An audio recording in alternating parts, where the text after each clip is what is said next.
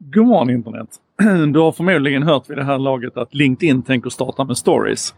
Ni vet de här eh, korta och kortlivade små inslagen som Snapchat, Snapchat la grunden för för många år sedan. Eh, och sen så följde ju Instagram efter och Facebook och nu har vi de här stories överallt. Och nu ska LinkedIn göra det också.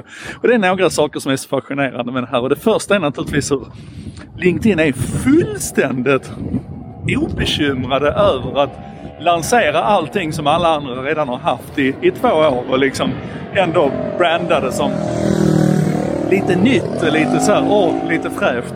Eh, och jag tycker det är bedårande egentligen hur man, hur man är så ogenerad med det.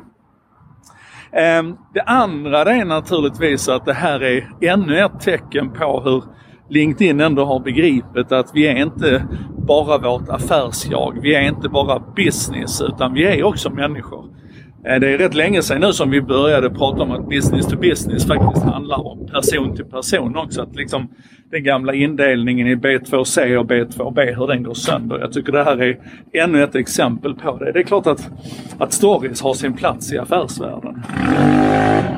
Men det tredje som är intressant här är egentligen kanske den här större idén om vad är lockelsen med stories egentligen? Um, och, och, jag började fundera på det redan på Snapchat-tiden, alltså när det här dök upp. För att det var många som spekulerade ganska grunt i varför vi gillade stories. Um, och varför Snapchat blev så stort. Och, och, då handlade det mycket om att ja, men Snapchat har blivit stort för att farmor och din mamma är inte där och definitivt inte din pappa. Um, eller det här att i och med att det inte finns någon historik där så kan man inte få slaget i huvudet att ja men varför frågar du det? Jag skrev ju det i ett mail för två veckor sedan till dig. Så att det fanns en massa ganska grunda förklaringar till, till Snapchats exempellösa framgång där i början, framförallt bland de yngre. Men jag tror det är så här att hela idén om, om stories och, och det här försvinnandet, att det inte finns något arkiv, det är att det där funkar ju precis som den verkliga världen gör, alltså den fysiska världen. Om du och jag sitter och tittar på en solnedgång så minuterna efter att solen faktiskt har gått ner så har vi inget Instagram-perfekt minne av hur det såg ut när solen gick ner. Eller om jag säger någonting till dig i den fysiska världen så har du ju i regel inte ett fotografiskt minne av exakt vad jag sa. Du kanske kommer ihåg känslan och upplevelsen i den stunden när jag sa det till dig. Men sen är det borta. Och det är precis så de här storiesarna funkar. Är du inte där i den stunden och fångar den känslan som du får av det budskapet som någon annan skickar, så är det borta.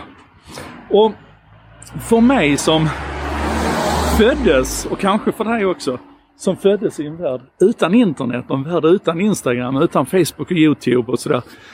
Vi är helt uppslukade kanske av den här idén av att äntligen kunna bli beständiga. Att kunna fånga våra klokskaper så här och bevara dem för eftervärlden. Och jag vet Kattis, jag pratar jättemycket om det här med kommer alla våra filmer att finnas kvar om 50 år när vi sitter där som pensionärer? Jag säger ja.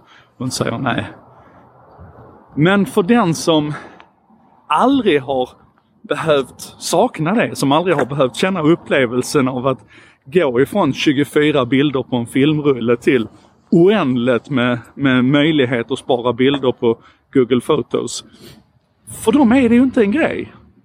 Och då är det kanske ganska naturligt att vi söker oss till det, till det djupt mänskliga istället. Till just de här försvinnande upplevelserna. Och min poäng här till dig det är att för alla de här digitala tjänsterna som slår igenom som vi kanske inte riktigt förstår initialt. Låt vara att det kanske är TikTok nu till exempel.